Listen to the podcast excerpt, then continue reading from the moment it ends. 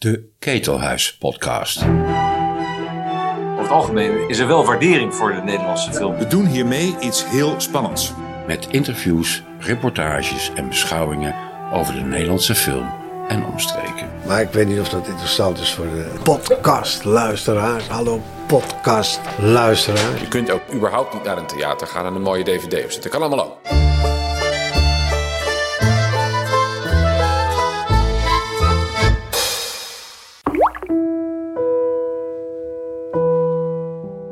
Wat kunnen films ons leren over liefde en relaties en zo?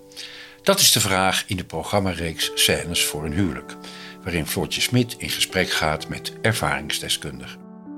Je moet niet iemand dankzij al zijn aardigheden beminnen, maar ondanks die paar lulligheden die er ook bij geleverd worden. Liefde is ook een uh, band plakken. Bij mannen is dat heel lastig om dat, dat hart te laten spreken. Uh, de vrouw die mijn leven sterk bepaald heeft, was Olivia Newton-John. Laten we zeggen, ik heb vroeger nooit gemasturbeerd op Jackie Chan. Vriendschap vind ik eigenlijk misschien wel de hoogste vorm van liefde. Kijk, als je verliefd bent, idealiseer je je geliefde. Maar als je liefdesverdriet hebt, doe je dat ook. Ja, het is bijna masochistisch. Maar um, de ander wordt eigenlijk nog geweldiger dan diegene al was. Dus zelfs in zijn achteruit is romantiek eigenlijk een rotstreek.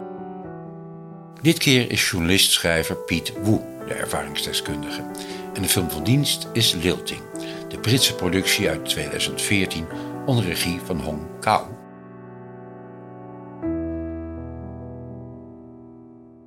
Dag allemaal, uh, welkom bij uh, Scènes voor een huwelijk. Dat zijn, uh, is een serie films die ik bespreek met ervaringsdeskundigen over wat zij denken, welke lessen er vallen te leren um, ja, uit die films.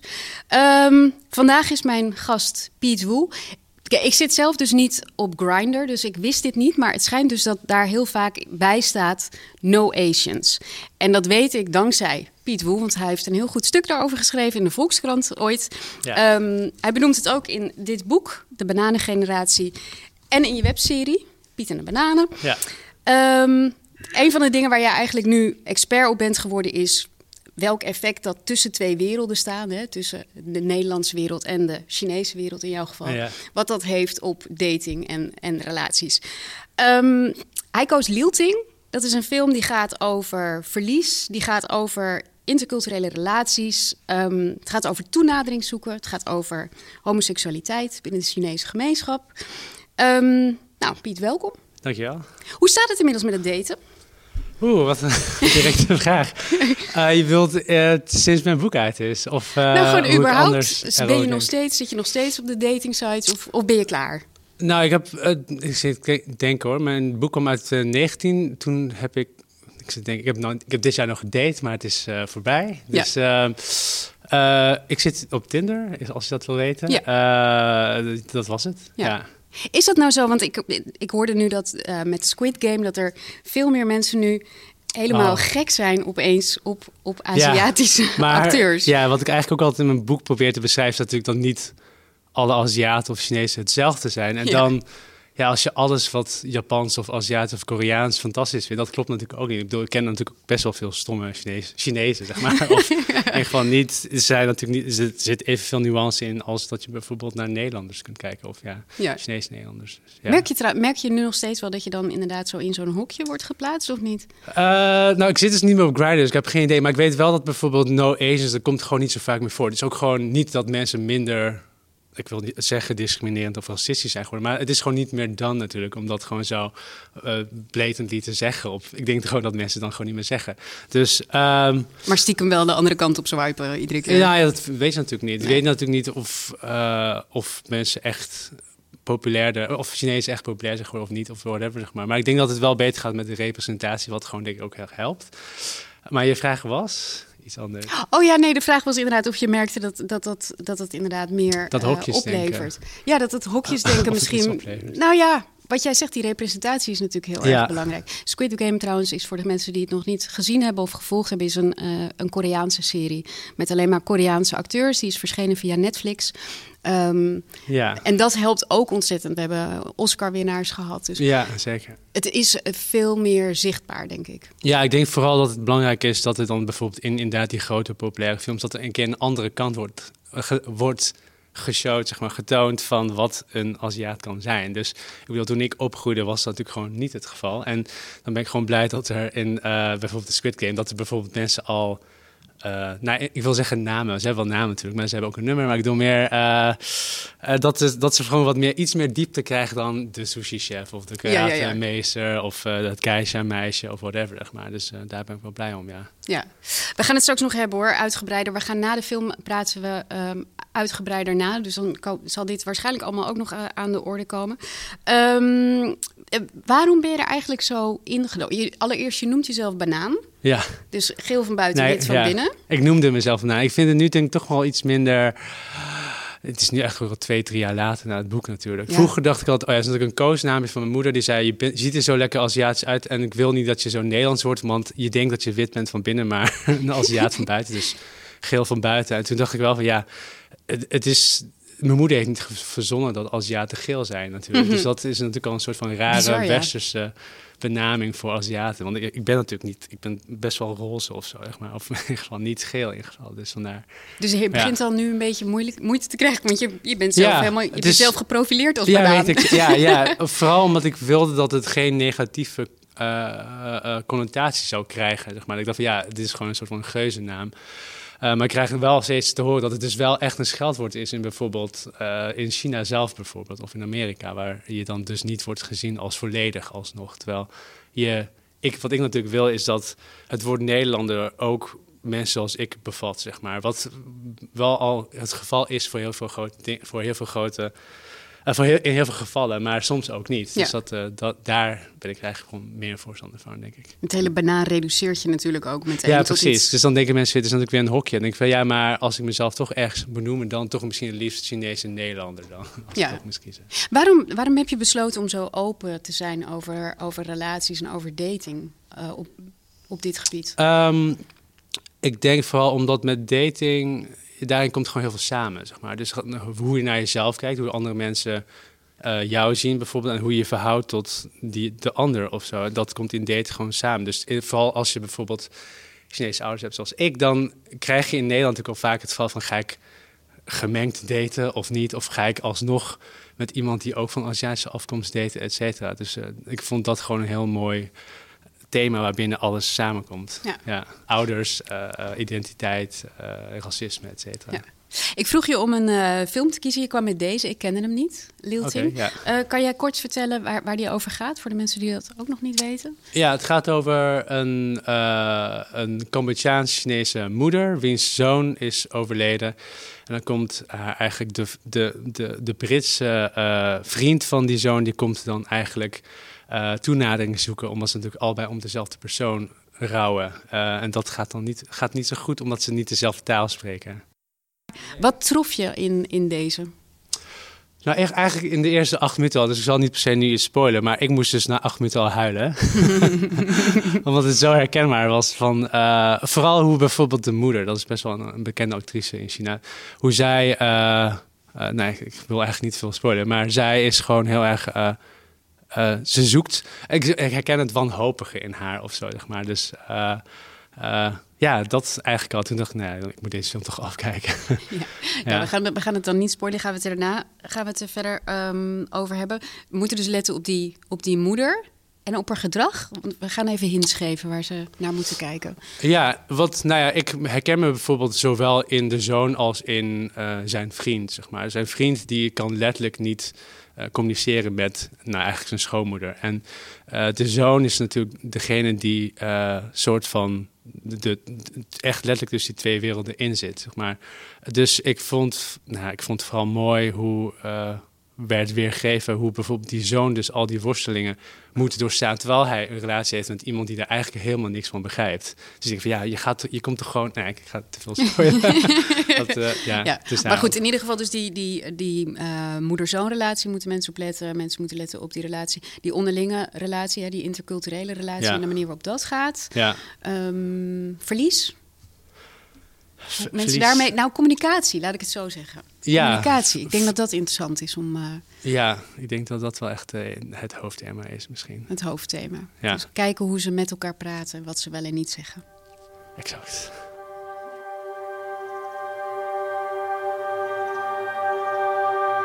Can I help?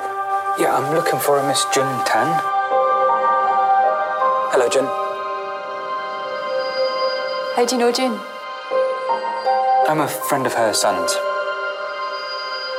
I'm sorry.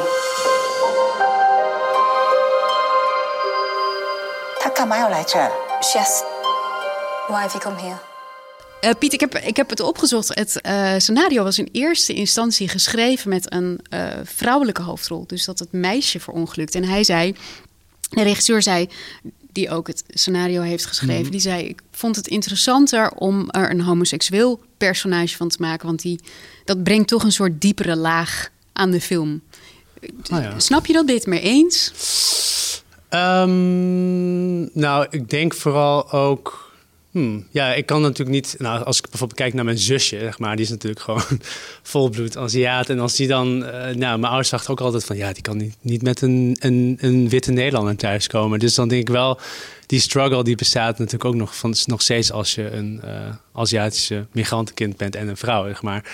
Maar uh, nou, voor, ik, bedoel, ik vond het zelf natuurlijk geweldig dat het wel om ging om queer karakters. Dus ja. voor mij was het leuk. Maar ja, ik kan me wel voorstellen dat dat er ongeveer een beetje diezelfde, dezelfde ideeën zijn van je kunt echt niet met een witte Nederlander. In ieder geval, dat zei ze vroeger altijd. Ja. Nu valt het wel weer mee. Inderdaad. Ja. Maar ja. hier is het natuurlijk gewoon dub, dubbel fout. Moet je het maar, moet je het ja, maar noemen. Nee. Dus uh, eerst heb je die coming out en dan kom je ook nog eens met een wit iemand thuis. Dat is nee, het slechtste wat kan gebeuren. Dus. Ja, precies. Mijn, ik bedoel, mijn ouders wilden vroeger ook dat ik altijd met een Chinese, trouw ging, een Chinese vrouw ging trouwen. In plaats van met zomaar een vrouw. Dus op zich, ja. Ja.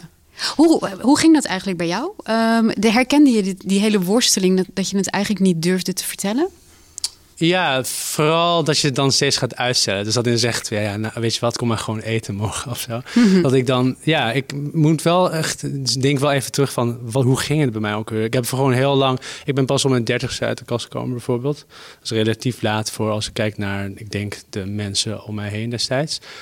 Uh, ja, hoe ging dat ook alweer? Um, nou, bij mij was het dus eigenlijk, ging, kwam het ineens uit. Dus uh, ik weet nog dat mijn moeder, uh, ik denk al vanaf mijn achttiende, steeds dan kwam aanzetten met eventueel een vrouw of een bruid. Dat dacht van, ja, kijk, misschien is die vriendin van, die dochter van mijn vriendin een hele goede potentiële bruid. Want mm -hmm. nou ja, ze kan Nederlands, bla bla. Ze kwam met allerlei redenen waarom ik dan met die vrouw zou moeten gaan trouwen. Of in ieder geval daten. Dat, ja. dat, oh nee, leren kennen, zei ze altijd. Je mag, hem, je mag haar leren kennen. Maar. En dan mocht je zelf verder kiezen. Ja, dat, ze deed dan alsof het een soort van, ja, alsof er nog heel veel vrijheid was in keuze of zo. En ik weet nog, nou, dat gebeurde dan, ik denk dus twaalf jaar lang of zo, dat ze dan wel eens een fotootje stuurde via de WhatsApp, dat ze dan. Uh, uh, dat ze dan verwachten dat ik dan denk van, oh ja, wauw, dit is een, een geweldige vrouw. Maar in ieder geval op, op een uh, gegeven moment, toen dacht ik gewoon van, um, ik moet volgens mij moet ik het gewoon gaan zeggen. Want dit is gewoon heel gek. Elke keer als ik thuis kom ja. in Tilburg, dan voelde het alsof ik de hele tijd niet mezelf was. En ik denk vooral, nou, het is dus niet per se iets heel erg Aziatisch. Het is gewoon heel, heel erg universeel. Dat je gewoon dus niet. Nou, ik was de hele tijd een soort van uh, plaatje aan het voorhouden. Ja, een mooie plaatje, zeg maar. Van ja, ik ga later toch wel echt met een vrouw trouwen. En uh, dan worden we allemaal gelukkig of zo. Um, en ik weet nog dat ik, nou, ik was sowieso beschonken. maar dat, het, dat mijn moeder toen weer een bruid stuurde via de WhatsApp. En ik toen zei van ja, ik val niet, ik vind meisjes niet leuk. Ik dacht, ik verwoord het gewoon heel simpel, zodat zij het kan lezen in, via de WhatsApp. Dat het gewoon zwart op wit staat. En dat ze dat gewoon even kan verwerken. Maar ze vroeg meteen van, wat bedoel je? Ja, huh, ik, ja. En toen zei ik van, oké, ik moet het nog duidelijk maken. Ze zegt van, ik vind jongens leuk, niet meisjes. En toen hoorde ik dus even niks meer. Dus wat, dat was eigenlijk mijn coming Wat een verschrikkelijk moment dat je dan niks meer hoort. Ja, maar ik snap, het ding is, ik snap mijn ouders ook heel goed. Ik bedoel, ik, op dat moment leefde ik al 30 jaar, zeg maar. Dus met, en weten wie mijn ouders zijn. Dus ik dacht ook van, ja, ik denk gewoon dat zij tijd heeft om het te verwerken. Uh, Um, maar het was natuurlijk voor mij wel heel erg uh, gemakkelijk. Want ik, de volgende dag ging toevallig op vakantie uh, naar Istanbul. Dus ik was gewoon letterlijk uit haar bereik, zeg maar. Uh, maar ik weet nog wel dat mijn zusje toen appte toen ik daar... Ik, ik was, in, was in Istanbul en dat zij toen appte van... Ja, ja, wat heb je nu weer gedaan? Want mama ligt dus in bed te huilen. En toen dacht ik, oh ja, dit is, dit, is dus zeg maar hoe zij, het, hoe zij erop reageert. Want ik wist wel dat ze misschien ik dacht van nou, misschien wordt het. Ja, ik wist niet zo goed wat ik kon verwachten. Dus ik zat ook jarenlang in therapie omdat ik niet wist wat er te verwachten Ik wist niet wat er ging gebeuren. Ik dacht, ik word onterfd of zo. Of ik, word, ik mag niet meer thuiskomen of zo. Dus, Maar het hele eh, idee van, ze zegt, nou Piet, als jij maar gelukkig bent, dat was wel iets wat je niet, Nee, wat dat niet zou eh, pas zou niet echt in de lijn Nee. van, zou niet echt in de lijn passen van hoe mijn eh, ouders zeg maar eh, zichzelf naar buiten presenteren, denk ik. Ehm, ja, dat was mijn coming out eh, via WhatsApp dus. Ik heb ze daarna, ik ben het weekend daarna naar Tilburg gegaan waar ze wonen Hm. en. eh, nou ja, eh, ik dacht, toen ik daar aankwam, dacht ik, oh, misschien heb ik het allemaal gedroomd. Want ze doen heel normaal. Echt van, mijn mijn vader Oh, ja. deed, deed heel normaal. Hij werkte gewoon in de snackbar voor.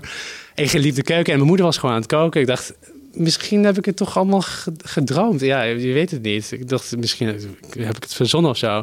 Dus mijn moeder begon over hele banale dingen te praten. En op een gegeven moment moest ze dus wel heel hard huilen. Toen dacht ik, oh shit, dit is wel echt waar. Ja. Zij was gewoon aan het koken en die moest gewoon heel erg huilen. En eh, ze vroeg gewoon eigenlijk een beetje de standaard dingen die moeders dan eigenlijk gewoon vragen. Zoals, ben je ziek? Vroeger was je nooit zo. Krijg je dan nu aids? Dan een beetje, eigenlijk alle dingen uit onwetendheid waarvan ik dacht, van, oh ja, dit is gewoon natuurlijk hoe je reageert als je echt niet weet wat het is of zo. Een soort van, terwijl het, was wel al 2015 of 2016. Dus ja, maar het voelde echt alsof het, ja, ik weet niet, een soort van jaren negentig eh, idee of zo was van eh, al de vragen die ze stelden.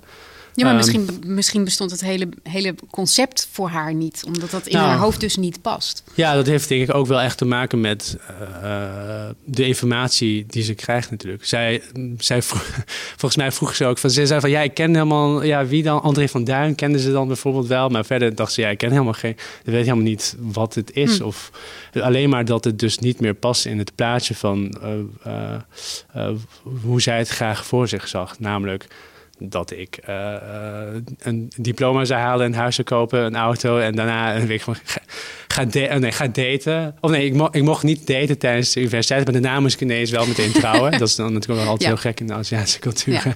Ja. Eh, en dus dat ik dan dus inderdaad met een Chinese vrouw zou thuiskomen. Dat was dan altijd een beetje het idee. En dat, dan past het ook meteen niet meer. Dan van, ja, hoe kan ik nu nog kleinkinderen krijgen? Dat was ook het eerste wat mijn vader vroeg bijvoorbeeld. Oh ja. Dus die vroeg eens van, ja, dus je wilt dus eh, niemand die jou naar jouw graf gaat dragen, zo, noemt, zo verwoord je het zeg maar letterlijk. Zeg maar. Dus van, dat hij dacht van, ja, dit is dus wat kinderen doen, namelijk iemand die voor jou zorgt en jou daarna zorgt dat je een, een mooie begrafenis hebt. Wie gaat het dan doen voor jou? Toen dacht ik, ja, ik kan natuurlijk nog wel kinderen krijgen, dacht ik. Maar ik dacht, ik ga dat nog niet even, die kaart nog even niet spelen. Ja, Maar ja, Het was een heel moeilijk gesprek wel, ja. Maar is het, waar, waar ligt dat nou aan? Is het, is het gezichtsverlies? Is het, is het inderdaad dat ze hele hoge verwachtingen hebben die ze dan moeten bijstellen? Ehm, leggen ze te veel druk op je toekomst? Waar, waar Ja. zit die... Ik denk al die dingen, zeg maar. Ja. Gezichtsverlies is wel ook echt een ding. Ehm, ja, ik denk dat mijn ouders... Ja, dat past, past gewoon niet in het perfecte plaatje. Vooral als je, niet helemaal, als je helemaal geëmigreerd bent naar een ander land... En dan, ja, dan moet je het eigenlijk maken. Dus dan zou het gek zijn dat je kinderen dan niet in dat perfecte plaatje passen. Dus eh, ja, dat, dat ging dan gewoon ineens niet meer. Dus eh, ik denk vooral... Nou, ik ging dan toevallig een half jaar later met mijn moeder... naar een bruiloft in China als Mhm. reis.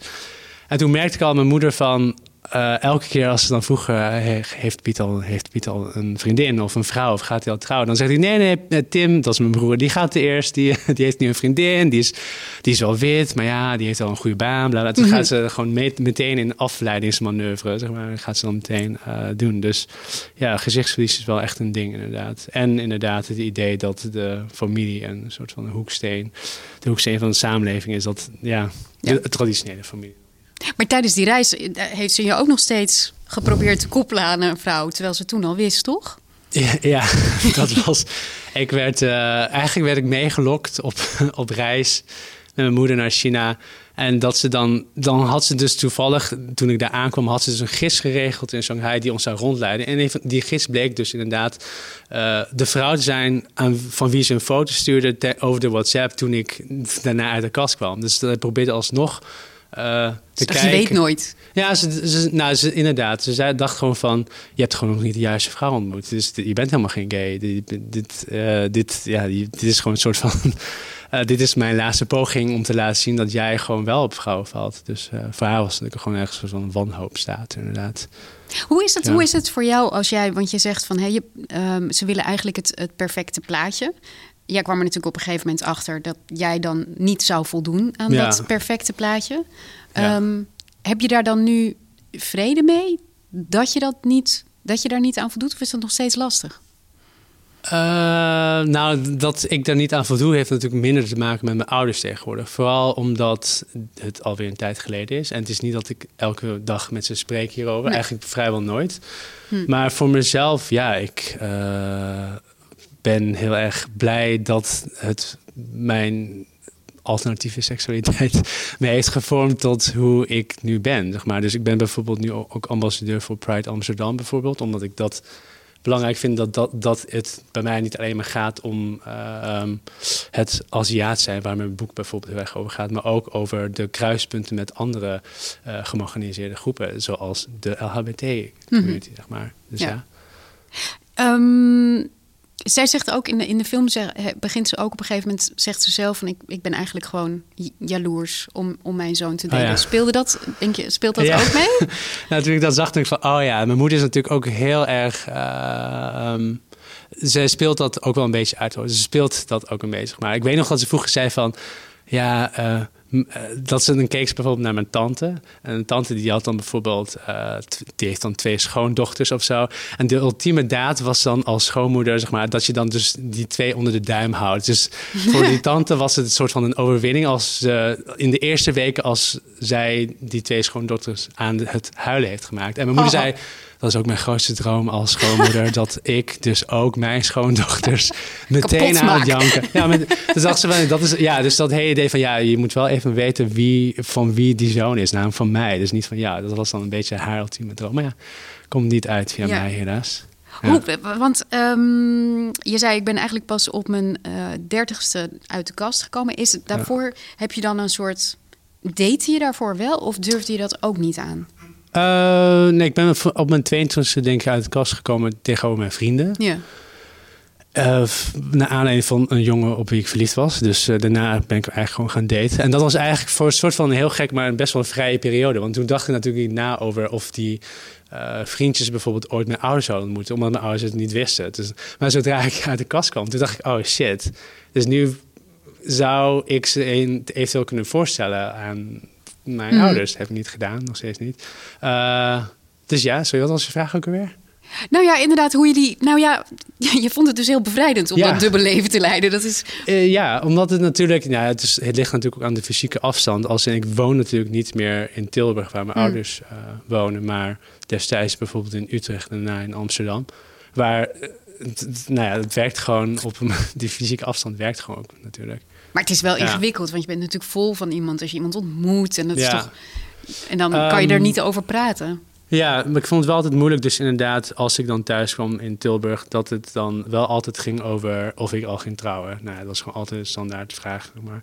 En ja, het is gewoon heel stressvol. Maar het is natuurlijk niet per se iets, eh, per se iets Aziatisch eigens of zo. Dus ik denk dat Mm. altijd natuurlijk als je eh, een moment uitzoekt om je ware zelf te laten zien aan je ouders, zeg maar, dat is al denk ik gewoon altijd best wel moeilijk en universeel. Dus eh, voor mij duurt het gewoon heel lang, omdat ik dacht van die mensen gaan me onterven. En ik ben eigenlijk dus ook pas uit de kast gekomen toen ik financieel en emotioneel Hmm. onafhankelijk was van mijn ouders. Dus ja. En die vriendjes, hadden die daar dan geen moeite mee?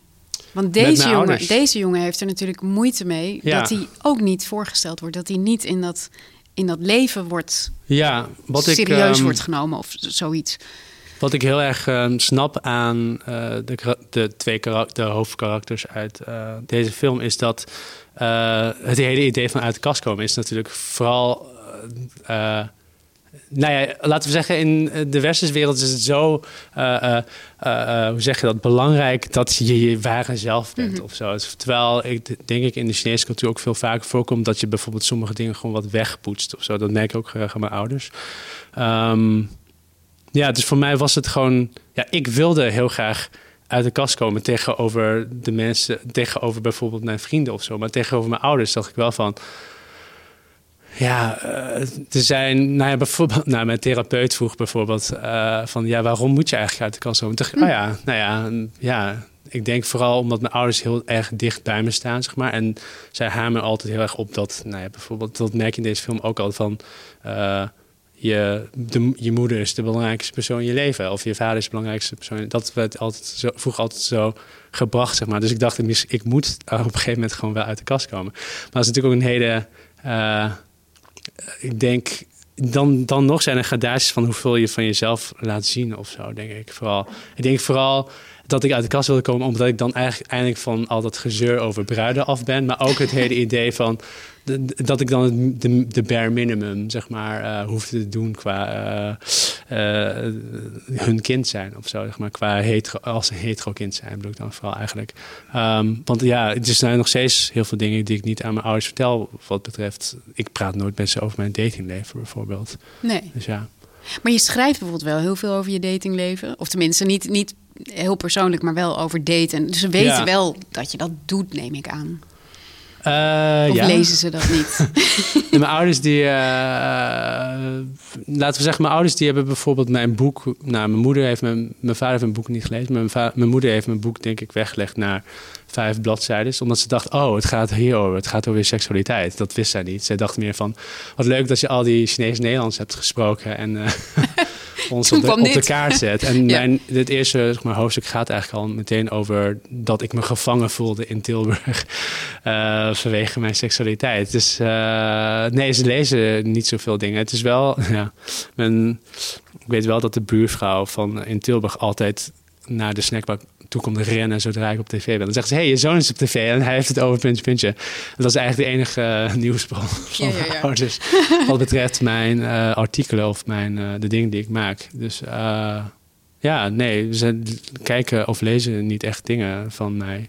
Maar is dat, is Ja. dat niet ook iets, iets, ehm, iets Chinees? Dat je het, hè, we weten het wel, maar we gaan het er verder niet echt over hebben. Ja, dan, ik, denk het, nou ja, ik denk het wel. Natuurlijk ook een beetje het plaatje mag, het mooie plaatje zeg maar, voorhouden.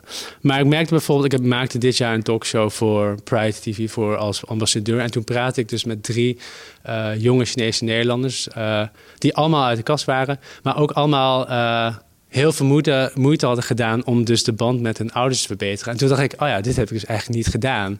Ehm, want deze drie mensen waren bijvoorbeeld heel erg, nou, die waren wat jonger.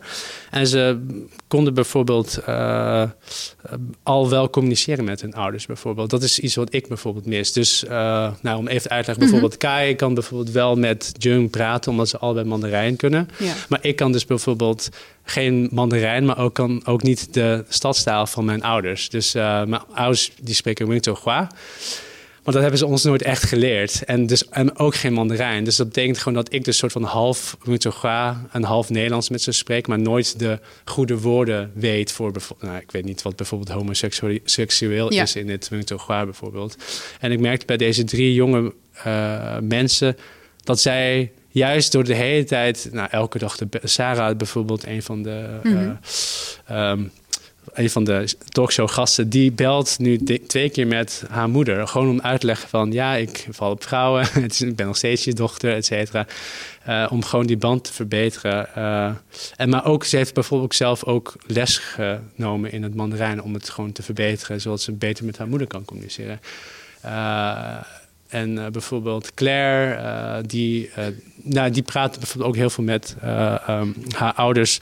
En, die, en dan merk je toch dat ze, die ouders steeds dichter bij eh, de kinderen komen te staan qua gevoel of zo. Dus Hmm. eh, de moeder van Claire heeft dus bijvoorbeeld eindelijk een keer een haarspeld gekocht voor Claire. Want Claire is een transvrouw bijvoorbeeld. Dus dat was een heel groot moment voor Claire bijvoorbeeld. Want die dacht van, ja, dit is, ik ben nu eigenlijk een dochter of zo in plaats van die zoon, zeg maar. Ja. Ehm, en ik, ik merk wel van, oh ja, maar eigenlijk ben ik, ik zeg dan heel snel van, ik ben eigenlijk veel te oud hiervoor om, dat, om dat nog te verbeteren. Maar ik kan gewoon niet die, eh, die gezamenlijke taal vinden of zo. En dat vind ik denk ik het moeilijkste.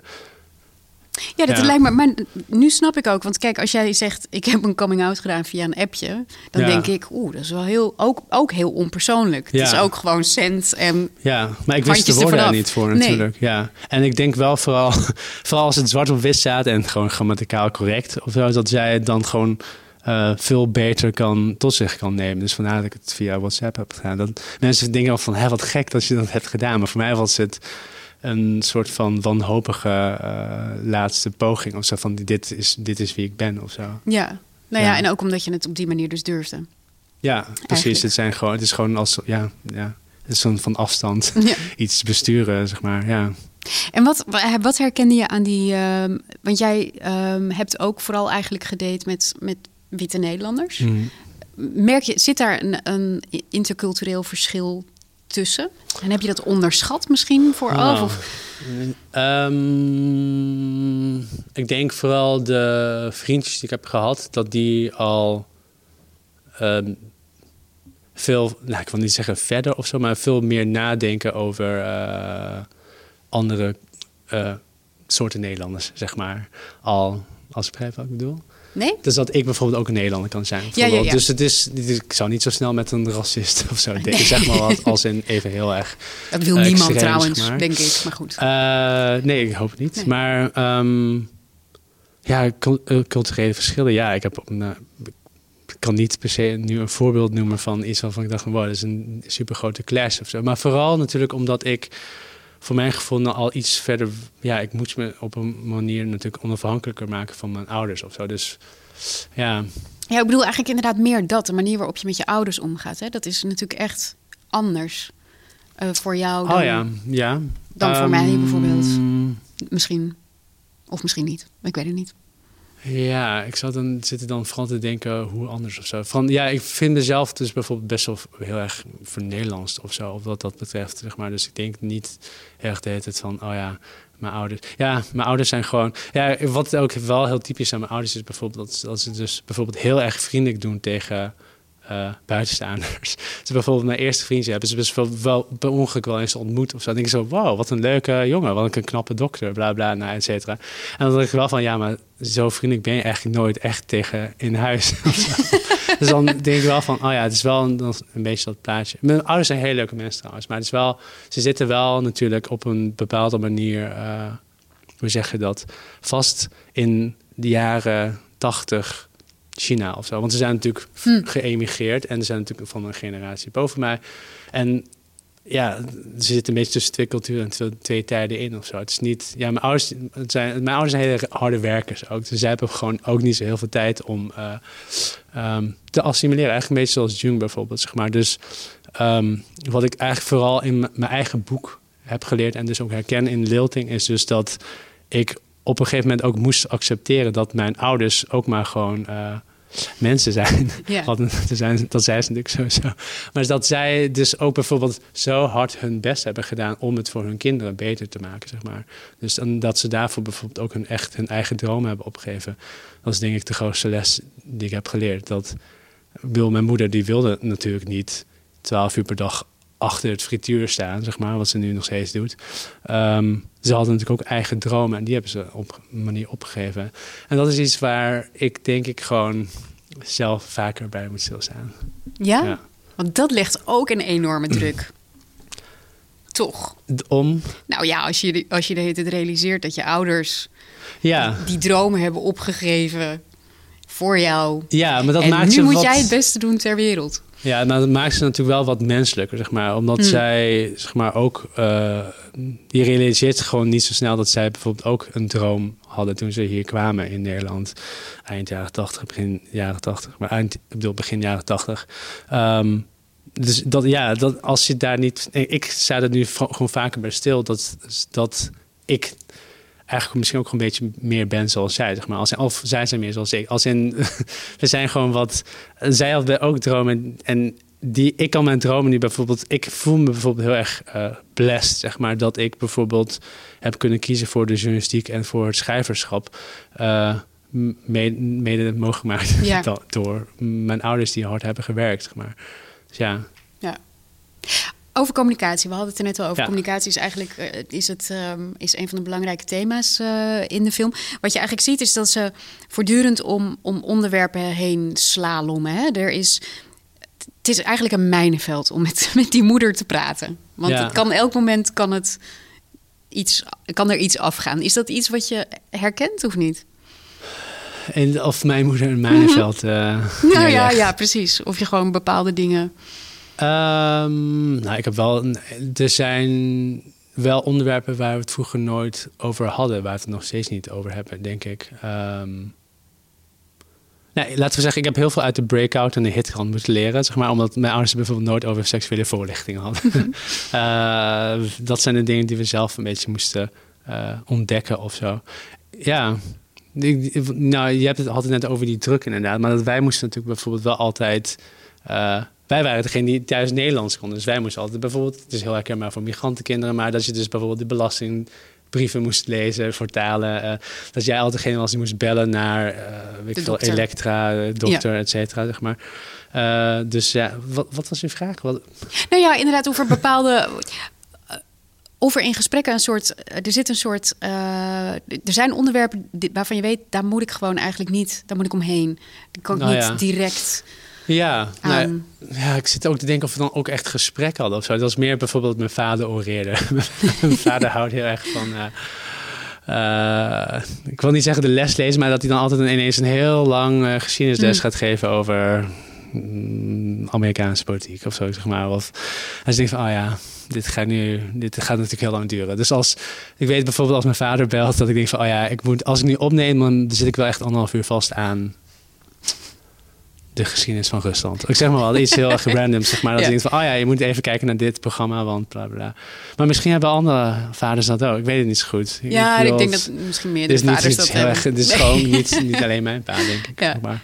Nee, maar dus het is, je ziet bijvoorbeeld dat zij wel heel, eigenlijk heel mooi praat met haar overleden zoon, die, die steeds terugkomt, dan kan ze het wel. Dan kan ze wel heel open communiceren. Dan kan ze wel zeggen wat er dwars zit.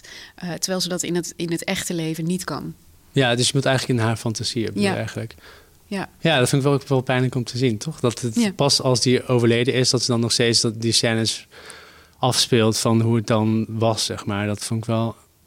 Ja, ja, ik vond het heel erg verdrietig om te zien, zeg maar. Dat, dat eigenlijk, het is eigenlijk al te laat, zeg maar, om haar ware uh, gevoelens te laten zien. Dus Dacht ja. jij ook niet, ze weet het al lang? Ja, dat, nee, dat ik zeker. Ja. Want ze zei de hele tijd, gebruikt toch woorden als, ja, je, je, is je vriend er dan ook, zeg maar, als een, ze, ja, dat wist het al lang, toch? Ja. Of niet? Ja, ik denk het ook. Ja. Ik denk het ook. Ik denk dat dit typisch iets van dat omheen praten is. Van ja. We doen alsof het er niet is. Ja, ik denk het ook wel, ja. En we negeren het gewoon, omdat het lastig is. Ja. um, die coming out, hè? want hij, hij doet eigenlijk de coming out van zijn overleden vriend. En ik heb daar nog wel over nagedacht. Ik vind een coming out vind ik iets heel persoonlijks. Je moet zelf bepalen wanneer iemand anders. Het is nooit iemands anders plek. Ja. Hoe heb jij daar naar gekeken? Nou, ik denk dat hij gewoon op een gegeven moment ook dacht van ja, ik wil gewoon ook laten zien dat wat mijn band met Kai dan was, zeg maar. Want ja, dat blijft dan nu gewoon de hele tijd begraven onder al hun stiltes en die lost in translation, eh, zeg maar. Dus ik dacht dat hij op een gegeven moment van ja, ik moet gewoon, ja, dit is, hij, ik heb toch ook van hem gehouden, zeg maar. Zo was ik het eigenlijk. Jij hebt daar wat meer moeite mee? Nee, ik heb daar geen moeite mee. Ik vroeg me af of je, hoe je daar naar kijkt, omdat het natuurlijk ook wat ik net zei, hè, mensen uh, over het algemeen praten, uh, praten ze eromheen. Maar dat is mm. ook een, vorm van zelfbescherming misschien. Hè? Als je het niet toegeeft, dan heb je ook het gezichtsverlies niet. Ja. Was het zijn plek? En um, is het, denk je dat dat goed is als, als iemand, zo, zo iemand als die vrouw daar dan zo mee confronteert? Oh ja. Ja, ik vond het dus juist wel mooi dat het daarna niet zoveel meer vertaald werd tussen die twee. Volgens mij toch een vlak na die, dat hij vertelt van Kai was mijn vriend en dat gaat de vertalen, hoe heet de vertaler trouwens? Die heeft gewoon een ja, naam. Ja, de tolk. Wat erg dat, opgeschreven. Wat erg dat wij haar dan een soort van wissen of zo. Maar die, dat die dan ook nog één keer zegt, uh, nog één keer vertaalt van dat Kai de vriend was en dat ze al vier jaar of zo samen mm. zijn.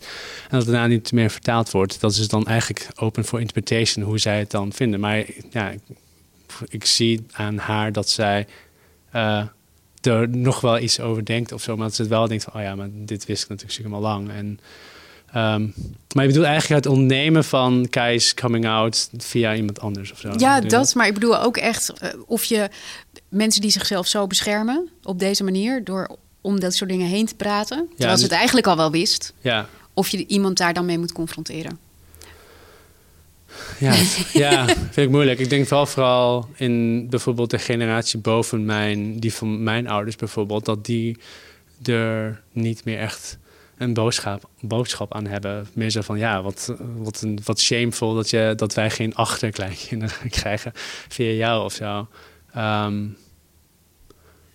ja, dat heeft natuurlijk te maken ook met de tijd, denk ik. Ja, ik weet nog dat er bijvoorbeeld uh, in het ouderlijk huis van mijn vader lag bijvoorbeeld een enorme boek, zeg maar, van met dan, dat wat dan generaties teruggaat vanaf de vuur, zeg maar, de, de achternaam, zeg maar. En dat zonden wij dan, dan helemaal onderaan, want ik ben, zeg maar, een zoon van een zoon van een zoon, et cetera, zeg maar. En dan stonden wij dat dan heel klein onder en dan stond mijn zusje stond er niet eens meer bij, zeg maar. Maar andere woorden dat het zo belangrijk geacht wordt dat wij dus de, dat ja, jullie zijn die de naam. bladzijden worden gefilterd. Inderdaad. Ja, ja. Ja, nou, daar moest ik wel eens aan denken. Ja. Maar uh, ja. Um, het grappige is dat, dat je aan de ene kant wordt in deze film gezegd van dat, dat communiceren, want dat is inderdaad de boodschap. Hè? Je moet open zijn naar elkaar en dan Mhm. communiceer je beter. Ja. Uh, aan de andere kant, op het moment dat die, dat oude stel met elkaar gaat communiceren, dus die, de, de Britse man en, Ja. en June, gaat het eigenlijk helemaal mis. Ja, een soort van comic relief of zo, dacht ik toch? Als een beetje. ja. Maar het is het tegenovergestelde. Daar, daar in die verhaallijn zegt eigenlijk, hè, zodra je wel met elkaar gaat communiceren, dan verdwijnt de liefde ook. Oh ja, oh, wat tragisch eigenlijk. Toch? ja, ja, het is tragisch. Dus ze kunnen beter niet Ja. met elkaar communiceren. Nee. Eh, ja, wat kan ik gewoon zeggen? Ik, ik vond... Nou, ik vond hem gewoon een beetje een klunzige... Ja, ik vond het wel grappig juist, dat, of een soort van lief of zo. Dat zij... Ik vind altijd wel lief als mensen op latere leeftijd dan alsnog Ja, liefde vinden of zo. Dus op zich eh, was ik wel pro-Ellen of zo. Jammer dat het niet heeft gewerkt. ja. Ja, ik heb, ik heb de- deze film twee keer gezien, want door corona is dit gesprek al een paar keer uitgesteld. Ehm, dus ik heb hem vorig jaar gezien, daarna heb ik je boek gelezen en ik heb hem dus nu net weer gezien. Ja. Ehm, en toen ben ik toch anders gaan kijken. Ik ben bijvoorbeeld anders gaan kijken naar eh, de rol van de tolk. ehm, waar we het net al over hadden, Mhm. omdat zij tussen die culturen in staat. Ja. Dus zij, zij weet, je ziet eigenlijk aan haar iedere keer wanneer er iets gevoeligs wordt gezegd of wanneer iets niet kan, Ja. dat kan zij heel mooi laten zien, vind ja. ik. Oh ja. Ehm, en een ander ding wat ik, wat ik dus zag was... Zij zegt op een gegeven moment, zegt ze van... ehm June zegt van, ja, ik, het is heel leuk, want ik, ik zeg alleen maar onzin. En hij vindt nog steeds dat ik een soort exotische beauty eh, Oh ja. ben. En toen Ja. moest ik ontzettend denken aan dat eh, hoofdstuk van jou over, over stereotypen... en de manier waarop ehm, Aziaten worden, worden vertoond in, in films en in Ja. series. En vooral Aziatische vrouwen. Ja. En de manier waarop dat invloed heeft op mensen en de manier waarop mensen denken over bijvoorbeeld Aziatische vrouwen. Ja, Eh, nee, ja, je hebt gewoon natuurlijk gelijk. Eh, ik denk, ja, dat hoofdstuk ging inderdaad over, laten we zeggen, eendimensionale eh weergaves van de Aziat. Wat ik denk vooral dat dat, ja, ik hoop dat het vooral iets is van het verleden. Mhm. Ehm, omdat ik vooral ook zie dat het steeds beter gaat. Maar destijds waren inderdaad, wat ik al noemde, als ik bijvoorbeeld op school eh, eh, werd gestereotypeerd, dan was het altijd dat ik dan bijvoorbeeld een Bruce Lee of een Jackie Chan werd genoemd. En ik weet nog dat een keer op Instagram iemand zei van... ja, maar waarom ben je niet trots dat je dan een Bruce Lee? Dat is, Ja. Hij is toch super stoer? Ik, ja, maar ik ben toch geen... Zie je waar? Kijk naar mij. Ik wil liever... geef me dan... Weet je Ja. wel, ik probeer dus nu een voorbeeld te noemen van iemand anders. Maar dat was er gewoon niet zoveel destijds. Ja, misschien Jet Li, ook een andere vechtmaster. maar... Ja, en volgens mij zeg je in je boek ook dat waren mensen die, die eh, eigenlijk sloegen die alleen maar mensen in elkaar en seks hadden ze niet. Ja, het was niet per se dat. eh, ja, laten we zeggen. Ik heb vroeger nooit gemasturbeerd op Jackie Chan, zeg maar. Ik weet niet, misschien hier mensen wel. maar, Handen. Ja, mag, het mag zeker. Maar ik dacht meer van.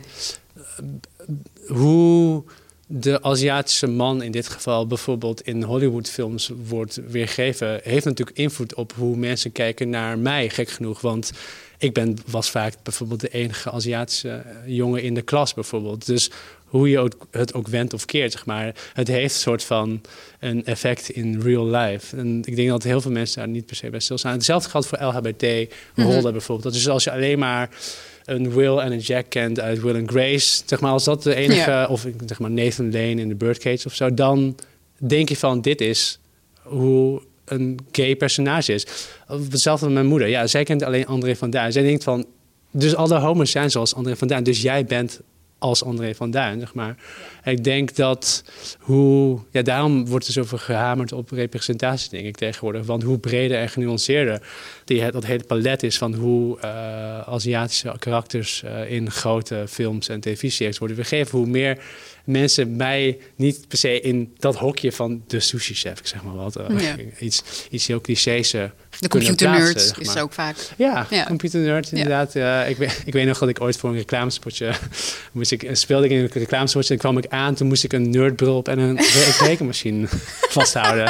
Dat was dus blijkbaar mijn rol inderdaad. Dus um, ja, ik denk, hoe, ik denk dat het wel steeds beter gaat. Vooral bijvoorbeeld met de invloed van Netflix of een andere streamingdiensten. Ja. Omdat je bijvoorbeeld als kijker gewoon veel meer toegang hebt tot andere gezichten, andere culturen, andere uh, soorten genders, ik zeg maar wat. Of uh, hoe er naar seksualiteit wordt gekeken, et cetera.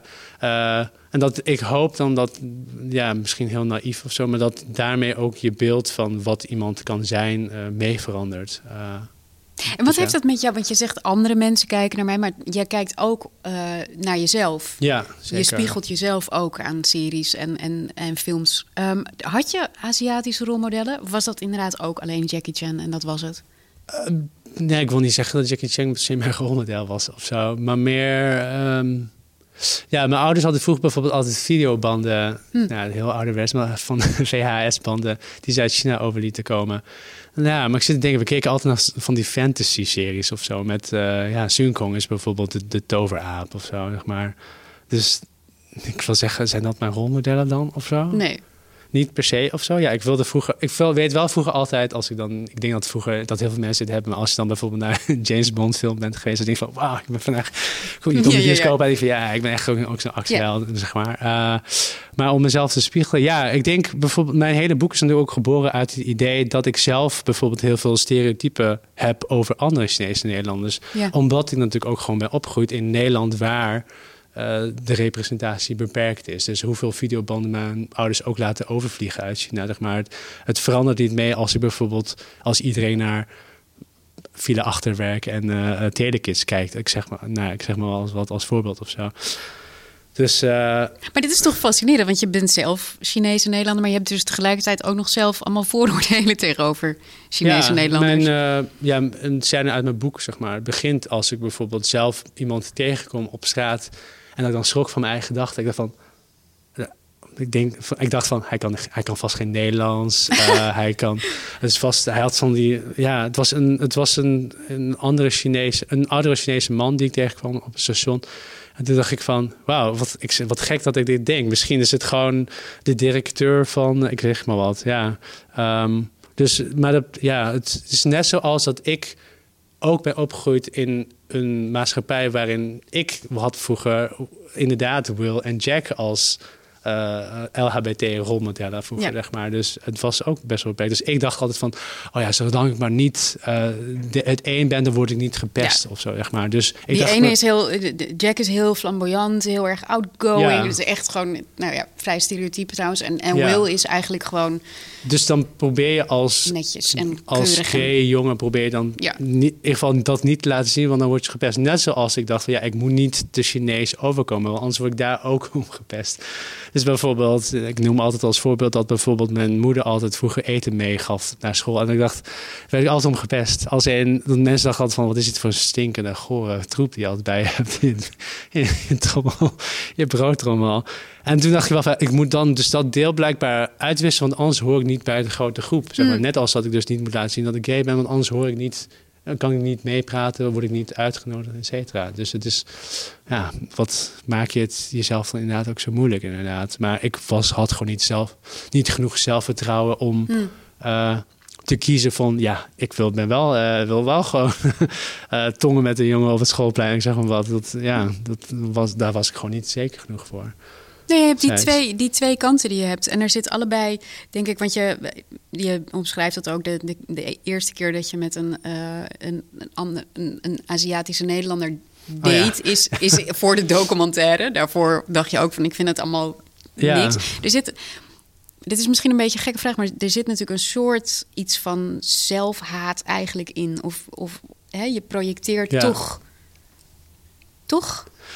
Ja. Vind je dat? Uh, ja, eigenlijk hetzelfde als wat ik net zei. Van je, bent, je wordt geboren in een wereld waarin dat niet de norm is, zeg maar. Dus dan, ja, ik was, laten we zeggen, ik vind dat ik, zeg maar, uh, laten we zeggen, ik wil dat de volgende generaties zekerder zijn dan ik vroeger was, zeg maar. Dus. Uh, Sorry, wat was het? Ik ben de hele tijd soms mijn nou ja, de train of thought Nee, ik vroeg, ik vroeg of, je, of het inderdaad een vorm van zelfhaat is. Dat oh, je sorry, ja. Op die manier ja, dus, of... ja, precies. Omdat je natuurlijk mee, net als, ja, ik word toch beïnvloed door de mensen om mij heen, zeg maar. Als die een grap maken over, zeg maar, wat zwarte mensen, Aziatische mensen, alles wat niet, zeg maar, hetzelfde is, dan, ja, ik weet niet. Vroeger deed je, deed je gewoon mee of zo, ja. Dus um, je wist gewoon de dingen uh, waarvan je denkt dat je daarmee kwetsbaar wordt gemaakt of zo. En, uh, tegenover de rest. Ja, ik zat bijvoorbeeld altijd, ja, dit is gewoon heel particulier, maar ik zat altijd bijvoorbeeld in jongensklas. Ik deed natuur en techniek als profiel. En dan, ja, je wilt toch stoerder zijn, stoerder overkomen dan je bent. Ik was natuurlijk helemaal geen, niet stoer, geen Bruce Lee, mm. gewoon wat. Dus uh, ja, dan, dan verander, pas je je soort van je narrative soort van aan dat je dan toch een soort van beetje bij hoort of zo. Dus ja. Is, ja. is het veranderd door het boek? Of is het ook veranderd doordat je dus inderdaad wat jij nu zegt, hè, van die, die verandering, dat je het vaker ziet in, in films en in series, dat het meer. Beide. Omdat voor het boek, nou, voordat ik het boek schreef, het is heel gek, maar ik ben opgegroeid in een wereld, in een omgeving zonder andere Chinese Nederlands. Bijna geen enkele andere. Zeg maar. Als ik was altijd vaak de enige in de klas. Dat komt, nou, laten we heel versimpeld zeggen, dat komt gewoon vaak omdat bijvoorbeeld Chinese migranten kiezen voor een plek in Nederland waar nog geen ander Chinees restaurant is. Wat is heel slim voor de zaken. dan plant je jezelf daar neer, je start een restaurant en dan ben je gewoon binnen eigenlijk. Maar dus oh, wij waren bijvoorbeeld in Hogerheide, waren wij een van de twee. Uh, Chinese families, zeg maar. Dus mijn toegang daar tot andere Aziatische gezinnen was gewoon erg klein. Ik ging daarna bijvoorbeeld ook uh, Engelse taal en cultuur studeren en filmstudies. Nou, laten we zeggen dat er waren weinig Aziaten te vinden. Um, dus voor mij was het gewoon ook een manier om een excuus te verzinnen om die vooroordelen die ik had over andere Nederlanders een soort van te ontkrachtigen. Van ik dacht, het kan natuurlijk niet waar zijn dat de Chinezen die ik tegenkom op straat geen Nederlands kunnen. Dat waarom denk ik? Ik denk dat automatisch of zo. Die zullen wel iets met business studeren of zo. Er zijn vast heel veel studenten die wel business studeren. Maar eh, voor het boek heb ik dus denk ik 45 mensen gesproken uit heel Nederland. Eigenlijk kleine plaatsen, grote plaatsen, man, vrouw, uh, non-binair, uh, gay, hetero, et cetera. Um, ja, het, het, is heel gek, maar als je zo diep in gesprek gaat met mensen, en vaak soms meerdere keren ook over echt hun diepste verlangens en mhm. hun identiteit of zo, dan denk je ook van, oh ja, dit is ook gewoon een Nederlander en hij, hij of zij of hen is toevallig ook nog een Chinese Nederlander. Ja, ja, ja. dus dan verandert het automatisch mee. Dus ik denk nu niet meer van, oh ja, dit is al wel business studeren. Ik denk meer van, oh ja, het is gewoon iemand op straat, ja. denk ik gewoon. We hebben het nu de hele tijd gehad over, eigenlijk vooral gehad over dat, dat interculturele. Maar wat natuurlijk opvallend is aan Lielting ook, is dat het een, een hele liefdevolle relatie schetst tussen twee mannen. Die zie je eigenlijk ook niet zo heel vaak. In films. Ja, meestal gaat het over, oh ja, ik ben depressief, want ik ben, ja. val buiten de norm ja. of zo, toch? Ja. Zijn er nog andere voorbeelden van positieve representatie? Vast wel.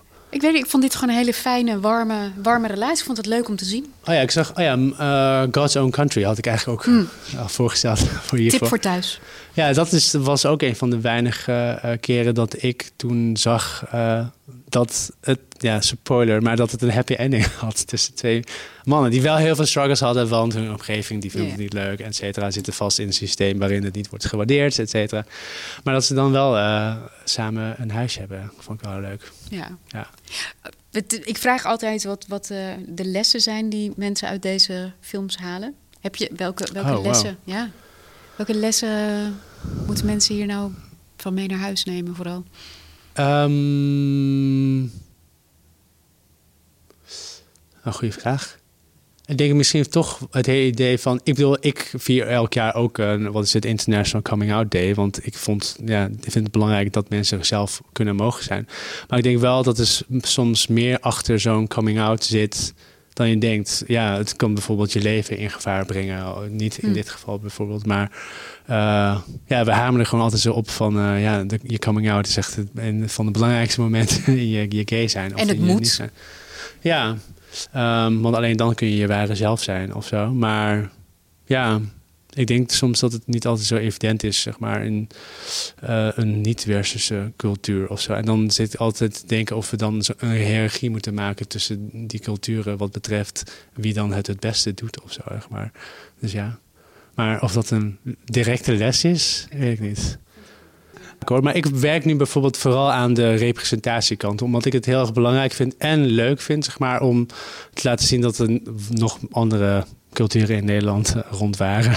Dus ik ben bijvoorbeeld nu bezig met een roman bijvoorbeeld. En het gaat dan nou, niet direct over Aziat zijn of zo, maar daar heeft het natuurlijk wel mee te maken omdat ik het vroeger zou ik een verhaal schrijven en dan ging het helemaal niet over. Maar als je mijn eerste fictieverhalen le- terugleest, denk ik, ah, waar komen deze mensen vandaan? Het, het is een beetje onduidelijk of zo. En nu denk ik van ja, wat gek dat ik daar niet over schrijf. Het is zo'n grote mooie eh, bron om, om uit te putten, inderdaad.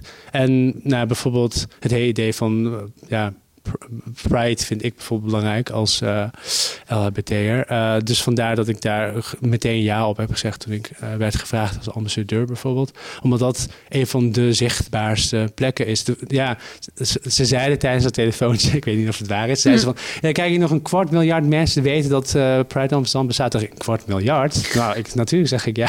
Ja, ja. Dus dacht ik, ja, als ik nou degene op boot 1 mag zijn als eerste Oost-Aziatische ambassadeur. Nou, en als ik dat had gezien als 16-jarige, nou, wat, de, ja, dat is al. Ik kan niet bevatten, zeg maar, wat het met mij had gedaan dat iemand daar dus zichzelf is wezen als Aziat en als L- LBT'er bijvoorbeeld. Dus eh, ja, dat, ik denk dat dat stukje trots. eh, ik denk dat we dat wel vaker moeten herhalen, inderdaad. Omdat het boek. eh, met mijn boek is bijvoorbeeld gewoon heel erg een proces, bijvoorbeeld. Want je begint op een gegeven moment gek genoeg bij schaamte, zeg maar. Dan moet je dus langzaam daaruit. Dus ik hoop dat heel veel mensen dus bijvoorbeeld heel veel hebben aan het boek, maar ook aan bijvoorbeeld positieve queer representatie. Dat je dus wel bijvoorbeeld gewoon eh, een leuke relatie kunt hebben in plaats van. Nou, ik veel, ja, al die, ja, ik moet vooral denken aan al die historische, historic eindigt lesbian alleen. drama's, toch? Van al die, Ja, ja, ja. Waarbij bijvoorbeeld lesbische vrouwen vroeger altijd dan eh, moesten struggelen om zichzelf te zijn. Ja, dus ja. Ja, in het begin was ik best wel verdrietig. Vooral omdat mijn moeder zei van, nou ja, laten we zeggen, mijn moeder is niet de koningin in het communiceren. Eh ik was een keertje thuis en dat was dan vlak na mijn boek uit was, zeg maar. En toen z- kwam, nou ja, laten we zeggen, het ging zo. Dus ik zat in de keuken en zij liep dan van de snackbar door de keuken naar de voorraadkast, zeg maar, achterin. Dus dan liep ze dan, zei ze, ik heb je boek gelezen. Zei, ik ben begonnen in je boek. En dan liep ze door. En dan dacht ik, ah, wat is weer weg of zo. Maar dan kwam ze terug zei ze, waarom heb je dat opgeschreven? En dan liep ze weg. En dan dacht ik wel, oké. En dan kwam ze weer terug en dan zei ze, ja, dat zijn dingen waar we eigenlijk niet over praten. En ze zo dacht ik, ja, ze is gewoon natuurlijk even aan het denken wat ze daar nog verder moest, over moest zeggen of zo. Maar ze zei van, ja, ja, ik kon dus niet, ik, ik, heb het, eh, ik heb het weggelegd, ik heb het niet uitgelezen. En dan liep ze gewoon weer door, zeg maar. Dus ik, wil- in het begin was ik er wel verdrietig over. Vooral omdat je dan, je hebt zo hard gewerkt, zeg maar, om jezelf te mogen zijn tegenover je ouders. En dan wordt het niet erkend of zo, Mm. zeg maar. Dus ehm, zelfs, dat, dat heeft dus niet te maken met dat ik niet trots ben op mijn Aziat zijn. Want ik dus, het heeft echt te maken met de LHBT-kant, zeg maar. Dus als ik het alleen maar had gehad over, kijk hoe fantastisch en gevarieerd en divers deze groep Chinese Nederlanders is die ik heb gesproken, dan had ze het fantastisch gevonden. Ehm, ja, ik weet nog dat ik een keertje bijvoorbeeld was uitgenodigd nou, om eh, in de tuin van Femke Halsema een borrel te krijgen. Ik dacht, ik bel mijn ouders. Toen dacht ik, oh nee, dit is voor Pride. Dus Oh, dit ja. gaat ze niet leuk vinden. Terwijl ze denkt van, zij, ga- nou, mijn moeder die geldt natuurlijk wel op dat grote naam, oh, Femke Halsema. Maar ja, helaas kon ik het dus niet vertellen. Dus soms denk ik wel van, eh, ik doe het niet meer voor mezelf natuurlijk. Ik doe het gewoon voor de generatie, nou, wat heel gek klinkt. Maar, eh, maar het is wat het is of zo, betreft mijn ouders.